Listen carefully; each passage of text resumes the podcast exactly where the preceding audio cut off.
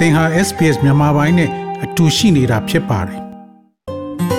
SBS မြန်မာပိုင်းကို အင်ကာနဲ့စနေနေ့ည10:00နာရီမှနားဆင်နိုင်တယ်လို့အွန်လိုင်းကနေလည်းအချိန်မီနားဆင်နိုင်ပါပြီ။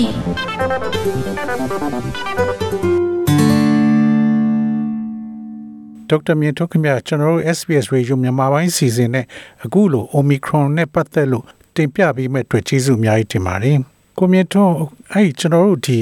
Australia မှာအခုလောလောဆယ်မှာအဆိုးဆုံး COVID-19 မျိုးကွဲကတော့ Omicron လို့သိရပါတယ်ဒီ Omicron ကဘယ်လိုမျိုးဆက်ကွဲမျိုးဆိုတာကိုနည်းနည်းရှင်းပြပေးပါ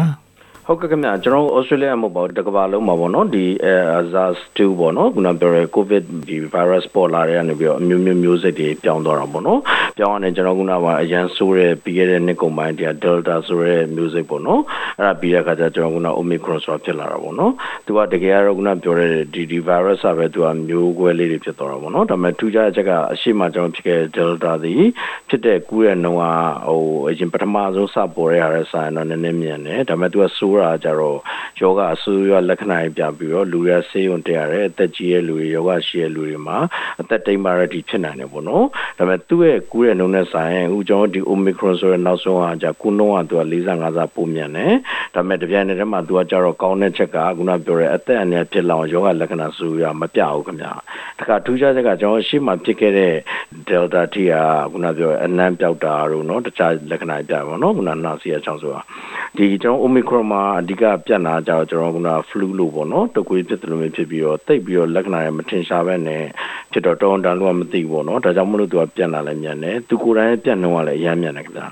ဒီ Omicron မှာကျွန်တော်တို့သိနိုင်တာကခုနပြောလို့လေကြောင်းလေးနာသလိုလိုရှိမယ်နောက်သူ့မှာထူကြတာအဲ့လိုပေါ့နော်ဟိုကြောဘက်ကခါနာတာမျိုးဖြစ်တတ်တယ်ပြီးလို့ရှိရင်ခုနပြောရဲနှာရည်ကြတာမျိုးခုနပြောရဲနှာခေါင်းပိတ်တာမျိုးနော်အဲ့ဒါမျိုးဖြစ်တယ်နောက်ပြီးလို့ရှိရင်တော့ခေါင်းရင်းအုံတတ်တယ်ပေါ့နော်ကျန်တာတော့ခုနခါတိုင်းလိုပဲခုနဟိုနှာချီတာမျိုးခုနတကလုံးနှုံးကြိုက်တာတို့ညဘက်မှာချွတ်ထွက်တာတို့နော်ဒါလည်းဖြစ်တတ်တယ်ပေါ့လေဆိုတော့နည်းနည်းထူကြတော့တာပဲခင်ဗျာဒါတော့တောင်းသူတွေကသူ့ကိုတာမန်အဖျားပဲနာစီကြောင်းစုပဲထင်ပြီးတော့မသိဘူးเนาะဒါကြောင့်သူကပြတ်လာအရမ်းမြန်တယ်ခင်ဗျာကောင်းတဲ့ချက်ကတော့ခုနပြောရဲဟိုအသက်အန္တရာယ်ဆုံးမဒီယောဂလက္ခဏာအရန်ဆိုရဲကြုံမဖြစ်ဘူးပေါ့နော်ဟုတ် ကျွန်တော်တို့ဒီ COVID-19 ကစတာဒီတရုတ်ပြည်ကစခဲ့လို့အတော်များများသူတို့ပြောကြပါတယ်အခု Omicron ကလည်းကျွန်တော်တို့ဒီ Africa စတယ်ဆိုတာဟုတ်ပါလား သူကတော့စရတော့မဟုတ်ဘူးခင်ဗျာဒါပေမဲ့ခုနပြောတဲ့ဒီမျိုးစိတ်တွေဘယ်နေရာမှာသွားပြီးတော့ပြောင်းလဲပေါ့နော်ဆိုတော့အရှိမရှိခဲ့တဲ့ Delta လည်းထူနေအောင်မဲစရတော့ခုနပြောတဲ့ Teo origin လို့ကျွန်တော်ပြောရမှာပေါ့နော် SARS virus ဖြစ်တယ်နောက်တော့ဘယ်နေရာတွေမှာသူကပြန့်သွားလဲဆိုတော့ကျွန်တော်တို့တွေ့နေတာခုနပြောတဲ့နိုင်ငံကြီးမှာဖြစ်ဖြစ်နေအာဖရိကလိုနေရာမျိုးမှာဖြစ်တယ်ပေါ့နော်ဆိုတော့ရှေ့က Delta လည်းထုံနေလကောင်းမှာခင်ဗျာဆိုတော့အဲ့ရနေပြီးမှကပြောရဲ music ကိုသူတို့စစ်တယ်ဒီတစ်ခေါက်ကတော့စတွေ့တာ South Africa ပေါ့နော်သူတို့တွေ့တယ်အရင်ကတော့ Venezuela တို့ဘာလို့တခြားနိုင်ငံတွေတွေ့ပေါ့နော်ဒီဆိုတဲ့ခါကျရင်ကျွန်တော်ကပြောရဲသူတို့စီမှာဖြစ်တာတော့မဟုတ်ဘူးဒီ virus က music ပြောင်းသွားတာပေါ့နော်ဥပမာဆိုရင်ကျွန်တော်က flu မှာဆိုရင်ကျွန်တော်ကပြောရဲဒီ Melbourne strain ရှိမယ်နောက် Phuket ဆိုရဲ Thailand strain ရှိမယ် Michigan ဆိုရဲ America strain ရှိမယ်အဲ့ဒီသဘောမျိုးပေါ့နော်တကယ်သူတို့နိုင်ငံမှာစတာတော့မဟုတ်ဘူးဒါပေမဲ့ flu virus ကပြောင်းသွားတာသူတို့စီမှာစတွေ့တဲ့ကြောင့်အဲ့နာမည်ကိုသုံးတာပါခင်ဗျာဟုတ်ကဲ့ကျွန်တော်တို့ဒီအတော်များများသူတို့စေပညာရှင်တွေရောပါဝင်ပေါ့လေအတော်များများပြောနေကြတာက သူတို့ဂတိပေးတယ်ပေါ့လေဒီ Africa မှာဒီ COVID-19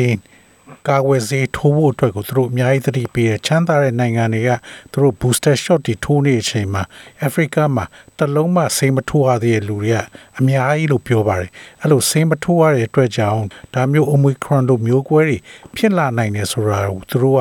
ပြောပြထားပါတယ်အဲ့ဒါဟုတ်ပါလား ဟိုအတိုင်းတာတစ်ခုတည်းတော့ဟုတ်တယ်ခင်ဗျာ WHO လည်းသူတို့ကခုနပြောရဲပေါ့လေဟိုပို့ပြီးလူတဲ့နိုင်ငံတွေပေါ့သူကအာဖရိကခုနဖွံ့ဖြိုးဆဲနိုင်ငံတွေဆိုပို့ပြီးတော့သူတို့ဟိုလောက်တယ်ပေါ့နော်ဟိုစစ်ထိုးကိုလုပ်ပေးတယ်ဒါပေမဲ့ဘလောက်ကြီးပဲလုပ်လို့သူတို့နိုင်ငံမှာလည်းကိုတို့ကျွန်တော်တွေ့ရတာပဲမီဒီယာပေါ်မှာနော်စီးရီကိုပေးတယ် expire ဖြစ်တယ်သူတို့မဖြတ်နိုင်ဘူးနော်ကိုချိန်နဲ့နေရအောင်မရှိဘူးနိုင်ငံရဲ့တည်ငြိမ်မှုမရှိဘူးခုနပြော transport ပေါ့နော်တည်ယူပို့ဆောင်မှုမရှိဘူးခုနလျှက်စစ်မရဘူးအဲ့ခါကျဒါတွေကလည်းပါတယ်ဗျဆိုတော့ခုနပြောရဆေးမလုံလောက်မှုမရှိရလဲပါတယ်လို့ဘာလို့ဆေးရလဲလည်းဈေးကြီးတာပေါ့နော်နိုင်ငံကြီးတွေကလည်းအထူးသဖြင့်ကျွန်တော်ဩစတြေးလျပဲကြည့်ပေါ့နော်ကိုကိုကိုကာဝယ်ဖို့ဈေးတွေအများကြီးမှာတယ်ပြီးတော့မှပိုရှန်တာကက Pacific နိုင်ငံတွေဖြန့်တာပေါ့နော် America England Canada အတူတူပါပဲနိုင်ငံကြီးဆိုစနာအကုန်လုံးကတော့ဝိုင်းပြီးတော့ကူကြတယ် WHO ကသတ်မှတ်တဲ့ criteria နဲ့ဘယ်နိုင်ငံကပို့ပြီးတော့ပေးပါပေါ့နော်လူတွေနေရတယ်ပြီးတဲ့အခါကျတော့ခုနပြောလို့ပေါ့ကိုယ်နိုင်ငံတော်ကိုလုံအောင်အသေးအံထိမ့်သိမ်းပြီးစူးစမ်းနေတဲ့အချိန်မှာနိုင်ငံခြားကိုကူရဲဆိုတော့ရော့သွားတော့ပေါ့နော်ဆိုတော့အဲ့ထက်မှာမှခုနပြောတဲ့ local မှာရှိတဲ့ African နိုင်ငံတွေမှာလည်းအများစုခုနပြောတဲ့ infrastructure ခေါ်တော့ပေါ့နော်မရှိတဲ့အခါကျသူတို့မှမတိုးပြဘူးမတိုးပြတဲ့အခါကျတော့တောင်းတောင်းအခုကျွန်တော်စီမှာပေါ့အခုဆိုတော့ကျွန်တော် Australia ကအင်္ဂလန်အမေရိက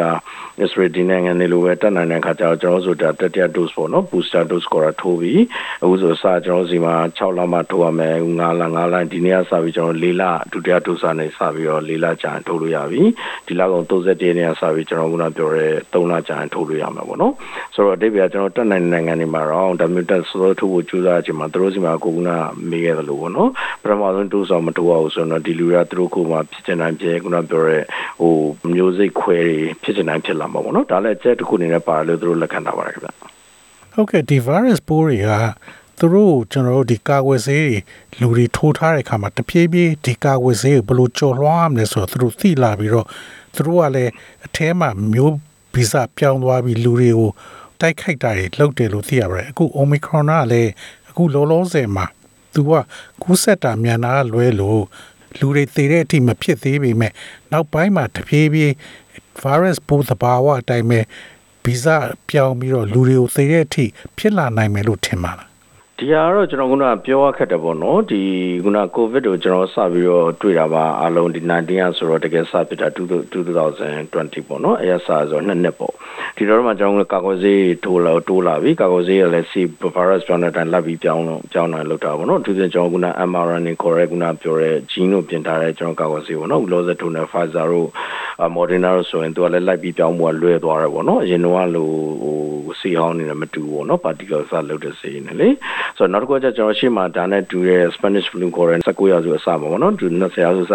1900ကျော်မှာဖြစ်ခဲ့တာနဲ့ရှင်းကြည့်ရင်သူလည်းအစပိုင်းမှာတော့ခုနပြောတဲ့ကမ္ဘာလူရဲ့လေးပုံပုံလောက်ကိုတည်သွားအောင်လို့ရှင်းလိုက်တယ်ပေါ့နော်တတ်တဲ့ virus ဆိုးတယ်နောက်ပိုင်းကျတော့အဲ့လိုကာဝဆေးတွေပေါ်လာတယ်နောက်တစ်ခုကကျတော့ဒီပိုးကကူးဆက်တာမြန်အောင်လို့သူကိုယ်သူစူးစမ်းစူးစမ်းနေသူကက virulent ဖြစ်တယ်ဆိုတော့ဆူရတဲ့ပိုင်းကအားနေသွားတာပေါ့နော်အဲ့ရှေ့ကဖြစ်ခဲ့တဲ့ဟာနဲ့ရှင်းမယ်ဆိုတော့ကျွန်တော်ဒီ omicron လည်းကပြန့်လာတော့ရမ်းမြန်လာတယ်ဒါပေမဲ့ကျွန်တော် flu သဘောမျိုးပဲဆေးရုံတင်ရတာဟို ICU ရောက်နေတာတေးတာကျွန်တော်နိုင်ငံအတွက်တော့နည်းတော့ပေါ့နော်တကဘာလုံးမှလည်းဒီလိုပါပဲပြန့်လာတော့ရမ်းမြန်တယ်ကိုမှကိုကကြနေမယ်တက်ကြီးနေမယ်တခြားယောဂတွေရှိနေမယ်ဆိုရင်တော့အသက်နေရရှိပေမဲ့ရှေ့က delta လို့တခြားလို့တော့သူကဟို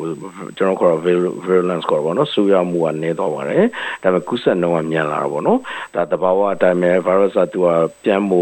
မျိုးပွားဖို့များများပြန့်မှုကြိုးစားတဲ့အခါမှာသူ့ရဲ့ဟိုလူလူဒုက္ခပေးရင်ကျသွားတဲ့သဘောပါပဲဆိုတော့ခုနပြောဆိုးလာနိုင်ဆိုတော့ဒါလည်းကျွန်တော်ကခုနဟိုဆက်ကြည့်ရမယ်လို့ပြောမှာပါဘာလို့ကျွန်တော်ဘာမှမတွေ့ဘူးတဲ့တခါမှမတွေ့ဘူးတဲ့ဟာနဲ့ရင်ဆိုင်နေရတာပေါ့နော်ဒါပေမဲ့ခုနပြောရှေ့မှာကြည့်ခဲ့တဲ့ flu နဲ့တရံလာတူထားပြီးတော့စဉ်းစားမယ်ဆိုရင်တော့သူကဒီလိုပြန့်နှံ့မြန်လာလေ virus ဒီလိုပဲတဖြည်းဖြည်းနဲ့ flu သဘောဖြစ်သွားမဲ့သဘောလို့ဟိုစစ်ပညာရှင်ယူဆကြပါရခင်ဗျဟုတ်ကဲ့ဒီ delta virus variant ကကျွန်တော်တို့လောဆယ် ဒီ AstraZeneca တို့ Pfizer တို့ Moderna တို့ဒီဆေးတွေကိုအပြည့်အဝသုံးလို့ထိုးထားတယ်ဆိုလို့ရှိရင်ကျွန်တော်တို့မကူးဆက်နိုင်ဘူးလို့သိရပါတယ်အဲ့တော့ဒီ Omicron ကြတော့ကိုဒီဆေးရရောအကာအကွယ်မပေးနိုင်ဘူးလား Omicron တော့ ခုနပြောလို့ခင်ဗျာတရားခိုင်နှုန်းကာကွယ်တော့မဟုတ်ပါဘူးလေခုနပြောရဲ AstraZeneca နှလုံးမထိုးတို့ကျွန်တော် Pfizer သို့မဟုတ် Moderna ပဲနှလုံးထိုးထိုးပေါ့နော်ထိုးထားခဲ့မယ်ဆိုလို့ရှိရင် immunity ကကိုယ်ခန္ဓာမှာကိုယ်ခံစွမ်းရည်တက်လာတဲ့အခါကျရင်ခုနနှလုံးထိုးပြီးကစား3နှစ်ပတ်လောက်မှစပြီးတော့သူကတက်လာတာပေါ့နော်တက်လာရင်သူတို့ကပုံမှန်ပုံမှန်6လလောက်ထိခံရမှာပေါ့နော်ပြီးရင်တော့တဖြည်းဖြည်းနဲ့သူက win ဖြစ်တဲ့ခေါ်ပါတယ်ဟိုကိုယ်ခံကျသွားတာပေါ့နော်ထိုးပြီးပြီးချိန်မှာတော့သဘောကတက်ဆုံးတဖြည်းဖြည်းကျသွားတယ်ဒီကလို့ covid infection ရမယ်ဆိုရင်လည်း6လလောက်ထိခံတယ်လို့သူတို့ပထမပိုင်းတွေ့ထားတာပေါ့နော်နော်ဒါပေမဲ့နောက်ပိုင်းမှာကျွန်တော်ဗာတွေ့လာဆိုတော့ဒီပြောင်းသွားတဲ့ Omicron တွေခုနကျလာတဲ့အချိန်ပေါ့နော်ကျွန်တော်လူအလုံးကဒီ Australia ဥပမာပဲပြောရင်လွယ်ဆုံးကြည့်ရင်ကျွန်တော်ထိုးရကြ6လတော့လည်းဆိုရှိပြီ9လရှိပြီဆိုတော့ကကြရင်ကျွန်တော်ရှေ့မှာထိုးထိုးပြီးချင်းလို့1လ2လလောက်ကိုခံရရအများကြီးမကျန်တော့ဘူးနော်ထိုးထိုးပြီးချင်းမှာကျွန်တော်တရားခံလို့ရှိရင်တဖြည်းဖြည်းနဲ့ကျွန်တော်50ရှိမယ်60ရှိမယ်40ရှိမယ်တယောက်တယောက်လည်းမတူပါဘူးကိုခံစွမ်းမတူသလိုအသက်ပေါ်မူတည်မယ်ယောဂပေါ်မူတည်မယ်အဲ့ပေါ်မူတည်ပြီးတော့ကျွန်တော်ကကျလာတဲ့အခါမှာခုန Omicron လည်းကူးစက်တာမြန်တဲ့အတွက်ကြောင့်မလို့ကူးတာများလာပေါ့နော်လောလောဆယ်ကျွန်တော်တွေ့တာခုနပြောရဲကာကွယ်ဆေးကိုအသစ်ပြင်ပြီးထုတ်ရင်တော့နော်6လတစ်နှစ်ကြာမှာပေါ့နော်အဲ့လိုမျိုးထုတ်မဲ့စာကျွန်တော်ခုနပြောရဲ booster dose ခေါ်တာပေါ့နော်အဲ့ဒါကိုခုနပြောရဲ3လနဲ့6လအတွင်းထိုးမဲ့ဆိုရင်ကျွန်တော်ခုန immunity က100ပြန်ပြတ်သွားရင်ဖြစ်မယ်ဖြစ်လဲ90ရာဖြစ်တရားကိုကာကွယ်နိုင်တာပေါ့နော်ဒါလည်း100ကန်တော့မဟုတ်ပါဘူးကျွန်တော်လူနာတွေမှာဝယ်ဒီလို3လုံး third dose ထိုးပြီးမှဖြစ်တဲ့လူလည်းရှိပါတယ်ဒါရှာရရှာရပေါ့နော်သူတို့ခုနပြောရဲလောလောဆယ်ရှိရဲ့အချိန်တိုလေးအတွင်းမှာလာဘန်လေးတို့မှာ study လုပ်လို့တော့ကျွန်တော် third dose ထိုးပြီးရင်အတိုင်းအတာတစ်ခုဒီပြန်ကာကွယ်တာပေါ့နော်တရားမဟုတ်တော့သူတို့ပြောတဲ့အတိုင်းဆိုတော့60နဲ့80ရာခိုင်နှုန်းတော့ပြန်ကာကွယ်ပါတယ်ခင်ဗျဆိုတော့ကျွန်တော်ဒါအကောင်းဆုံးနီလန်တော့အခုအခုဆိုရင်ဒီနေ့ကစပြီးတော့ကျွန်တော်လေဒုတိယဒုဆိုင်လေးလေးလမြောက်မှာထိုးလို့ရပြီဒီလကောင်ကစပြီးကျွန်တော်30တက်ကစပြီးတော့3လကြာရင်ထိုးလို့ရပြီဆိုတော့ဒါထိုးစေခြင်းတဲ့သဘောပေါ့နော်အခု Israel တို့ဘာလို့ဆိုတော့သူတို့က structure ထိုးဆောင်ထိုးနေပြီပေါ့နော်လောလောဆယ်ကတော့ကျွန်တော်ကာကွယ်လို့ရတာပါပဲနောက်တစ်ခုရေးကြည့်ရတော့ရှေ့မှာကျွန်တော်သုံးခဲ့တဲ့ mask ပေါ့နော်မျက်မျက်နှာဖုံးတွေတက်တာခုနပြောရဲ45ရာခိုင်နှုန်း65ရာခိုင်နှုန်းဒီကာကွယ်ပါတယ်လက်စီတာခုနပြော sanitizer သုံးတာဒါတွေအကုန်လုံးကကာကွယ်ပါခင်ဗျာအကုန်လုံးပေါ့တော့ခုနတောင်းတောင်းကာကွယ်ဖို့ချမ်းသာများတယ်ဖြစ်ရင်တော့မှခုနပြောရဲအနေဖြစ်လောက်တဲ့ဒီမဖြစ်ဘူးပေါ့နော်ဒါကျွန်တော်လောလောဆယ်မြုပ်လို့ရတဲ့အနေထားပါခင်ဗျာဟုတ်ကဲ့ဒီ Delta variant virus ပိုးကိုကျွန်တော်တို့ဒီ PRC test လုပ်တာတို့ rapid antigen test လုပ်တာတွေကနေပြီးတော့ဒီပိုးရှိမရှိကို သိလို့ရပါတယ် Omicron ကရောဒီဆန်းစစ်မှုတွေမှာပေါ်လာနိုင်ပါလား Delta လည်းထုတ်နေတော့မှာပဲကျွန်တော်ကပြော genomic sequencing ခေါ်တဲ့ gene ကိုစစ်မှတွေ့ရခင်ဗျာ။နှမို့ဆိုတော့ကကျွန်တော်စစ်နေတဲ့ PCR ခေါ်တဲ့ polymerase ပေါ့နော် chain reaction စစ်စစ်ကျွန်တော် RAT test ပေါ့နော် rapid antigen test ပဲစစ်စစ်သူတို့ positive negative ပဲပေါ်ရခင်ဗျာ။ဒါအောင်မှသူတို့ကပြောရဲ health department တွေကကျွန်တော်အစိုးရကနေပြီးတော့ပို့ပြီးတော့ကုန်ကြရဲက random ပေါ့နော်သူတို့မှာစနစ်ရှိပါတယ်။ဘယ်နေရာမြောက်မှာတစ်ခါစစ်တယ်ပေါ့နော်။အဲမျိုး sequence လုပ်တဲ့အခါကျမှ gene ကိုစစ်မှကျွန်တော်ကဒါ omicron variant လား delta လားသိရပါတော့။အခု ICU မှာ loss ရှိရင်တော့ Australia တနိုင်ငံလုံးကခုနဆေးရုံတင်ထားတဲ့လူတွေမှာ85ရာခိုင်နှုန်းက Delta တွေခင်ဗျ less less than 25%ကကျွန်တော်ပထမမျိုးစိတ်နဲ့ Omicron Omicron ပေါ့နော်ဒါဆေးရုံတင်ရတော့ပြောပါတော့ကူးတဲ့နှုန်းနဲ့ခုနပြောတဲ့တဲဟိုများတာကြတော့ Omicron များခံပြောင်းများအဲ့တော့ခုနပြောရဲစစ်တာနဲ့သိတာ positive negative ဒါပဲသိပါတယ်အဲ့ဒါဆိုရင်ကျွန်တော် covid ဖြစ်တယ်လို့သိလိုက်တာပေါ့နော်ဒါပေမဲ့ omicron ဖြစ်သလား delta ဖြစ်သလားတခြားမျိုးစိတ်လားတော့ခုနပြောရဲ genomic sequencing လုံးမှာချင်းစစ်မှသိပါတယ်ခင်ဗျ ဟုတ်ကဲ့အဲ့အမျိုးကိုမှ Omicron virus ကူးစက်တယ်ဆိုလို့ရှိရင်ကိုကဘာတွေလောက်တင်ပါလဲ အခုကတော့ကျွန်တော်ကဒီကလည်းစနစ်ပြောင်းနေတာ American England အကုန်ပြောင်းတဲ့အတိုင်းပေါ့နော်ကျွန်တော် Australia တော့ဒါ January 1ကစပြီးတော့ state အလုံးညှိပြီးတော့ဒီက Chief Health Officer လည်းတခါလေးပြောင်းတာပေါ့နော်ပြောင်းတော့ကျွန်တော်ကပြောရဲပုံမှန်ရင်တော့လို့ကြောက်စရာမလိုဘူး Omicron ဖြစ်တာတော့ဖြစ်တယ်ဖြစ်တဲ့လူပဲကျွန်တော်လူနာတွေဆိုလည်းအများကြီးရှိလာပြီပေါ့နော်သူတို့ဖြစ်တာနဲ့ကိုယ့်ကို test လုပ်ခုနပြော rapid test နဲ့ပဲလုပ်လို့ PCR ပဲလုပ်လို့ဖြစ်သွားတဲ့လူ positive တွေခုနှစ်နေရမယ်အိမ်မှာနေတဲ့အိမ်သားအလုံးဒီဒုံမို့အလုံးမတူလို့ဒါ၄နိုင်ထက်နေတဲ့လူတွေပေါ့နော်အဲ့လူအလုံးကလည်းအတူတူခုနှစ်နေရမယ်ပြီးလို့ရှိရင်ကပြောရဲ symptom မရှိဘူးဆိုရင်ဖြစ်တဲ့လူက6ရက်မြောက်မှာပါ symptom မရှိရ24နာရီဆို9ရက်မှာထွက်လို့ရတယ်တကယ်လို့အိမ်သားတွေကတော့အဲ6ရက်မြောက်မှာတခါထပ်စစ်ဖို့လိုတယ်သူကဒါတော့ထပ်ပြီးဟို positive ဖြစ်ပဲကူးမှဆိုလို့ပေါ့နော်ဆိုတော့အိမ်မှာကလုံးတင်ဆုံးကတော့ခုနပြောရဲတခြားယောဂတွေလည်းကြီးကြမရှိဘူးတက်ကလည်းမကြည့်ဘူး65နဲ့မကြောက်ဘူးဆိုရင်အိမ်မှာပဲကုလို့ရတယ်ပြီးခုနအဓိကကတ်ခဲတာတို့ကိုကျွန်တော်ပန်ဒရောပေါ့နော်နှလုံး3ချိန်4ချိန်ထိတောက်လို့ရတယ်နောက်စီကြောင့်ဆိုရှိမှဆိုရင်ဒီမှာတော့ chloroquine ဒီပါပေါ့နော် delphos ခေါ်တဲ့ဟာမျိုးတွေတောက်လို့ရတယ်အရင်များများတောက်မယ်အနာယူမယ်အိမ်ထဲမှာလမ်းလျှောက်မယ်ဒါပဲပေါ့နော်ပြင်ထွက်လို့တော့မရဘူးပေါ့နော်ဆိုတော့အဲ့ဒါအရေးကြီးဆုံးမှာဒါမှကုနာ6နှစ်ဆိုမယ်တက်လိုက်တွေရောင်းပြောင်းမယ်တခြားယောဂရဲ့လက္ခဏာရှိရင်တော့ဖုန်းဆက်ပြီးတော့ကိုယ့်ရဲ့ပြနေကြ GP တို့မျိုးစေုံစေကံကိုမေးလို့ရပါတယ်ခင်ဗျာ ဆိုတော့အခုကတော့ကျွန်တော်ကအသက်ရင်တော့55နှစ်ပေါ့နော်အခုက65နှစ်တိကျွန်တော်အိမ်မှာပဲဒီလို GP ကကုခွင့်ရှိတယ်ဖုန်းပေါ်ကနေကုခွင့်ရှိတယ်လို့သူတို့ပြောင်းလိုက်တာပေါ့နော်နှမို့ဆိုစေဦးနေမှာအရန် clock ကဖြစ်လို့နောက် PCR ခေါ်တဲ့နှာခေါင်းထုတ်ပြီးစစ်တဲ့ကလည်းခုနပြောလို့ပေါ့နော်လိုမှစစ်ပါမလိုရင်ခုနအိမ်မှာ rapid test စစ်ရရင်စစ်ပါစစ်လို့မရလို့ရှိရင်လည်း quarantine နေပါသူတို့ကဒါလိုလိုနောက်ဆုံးညွှန်ကြားထားတာဗျဟုတ်ကဲ့ကျွန်တော်တို့ဒီ Delta variant COVID-19 ယောဂဖြစ်ပြီးတော့ပျောက်သွားတဲ့လူတစ်ယောက်က6လလောက်သူ့ရဲ့ ဒီ antibodies ပေါ့လေခန္ဓာကိုယ်တွေကကိုခံအားက6လအထိကောင်းပြန်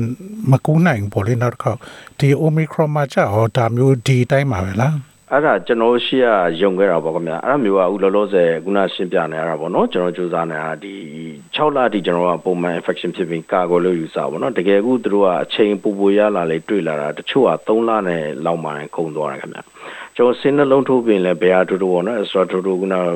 faza တို့ moderna တို့တို့ပုံမှန်6လလောက်ခံမယ်လို့အနည်းဆုံးမျှော်လင့်တာပေါ့နော်တချို့လေမှာ6လနဲ့8လခံမယ်မဲ့တချို့မှာ3လလောက်မှမခံဘူးခင်ဗျာဒါကြောင့်ကျွန်တော်ခုနပြောတဲ့ booster dose ကို6လအနေပြီး short လာ9လအခုဒီနေ့ကစပြီး4လတက်တယ်31ရက်ဒီ January စပြီးတော့3လဖြစ်မယ်အဲ့တော့ပြောချင်တာ3လအထိကတော့ကာကွယ်တယ် infection လည်းထုံနေကောင်မဲ့တတ်မှတ်တယ်ခင်ဗျာ ရင်တော့ဆို infection ရပြီး certificate ထုတ်ပြီး6လအတွင်းစီထိုးကြမလို့အခုကတော့3လဆိုသူတို့လည်းထိုးဖို့လိုတယ်ခင်ဗျာအတိတ်ပဲအတူတူပဲဖြစ်တာပေါ့နော်လောလောဆယ်တတ်မှတ်တဲ့4လဆိုသူတို့လည်း4လမှထိုးရမယ်လို့ခင်ဗျာဆိုတော့ခုနပြောတဲ့6လဆိုရယ်ပုံသေးပြောလို့မရတော့ခင်ဗျာဒါကျွန်တော်စစချင်းတွေ့တဲ့အချိန်မှာပြောတာအခုကျတော့အချိန်နဲ့လိုက်ပြီးတော့သူ data လည်းပုံများလာတယ် study လုပ်တဲ့အခါကျတော့3လအထက်မှာစိတ်မချတော့ဘူးဖြစ်သွားတော့เนาะအထူးသဖြင့် omicron ပြန့်နှံ့မြန်တဲ့အခါမှာ3လကျော်ရင် negotiate immunity ကမကျန်တော့ဘူး ဟုတ်ကဲ့ဒေါက်တာမြင့်တို့ခင်ဗျာအခုလိုပညာပေးရှင်းပြပေးတဲ့အတွက်ကျေးဇူးအများကြီးတင်ပါတယ်နော်ဟုတ်ကဲ့ပါခင်ဗျာကျေးဇူးတင်ပါတယ်ခင်ဗျာ SBS Radio App ကို download လုပ်ပြီးနားဆင်မှတ်ချက်ပြုနိုင်ပါတယ်။ဒါရိုက်သို့မဟုတ်အချိန်မီနားဆင်နိုင်ပါပြီ။စစ်တမ်းမှာပါဝင်နိုင်သလိုဆက်သွယ်မှုလည်းပြုလုပ်နိုင်ပါတယ်။ Google Play ဒါမှမဟုတ် App Store မှာအခမဲ့ရယူနိုင်ပါပြီ။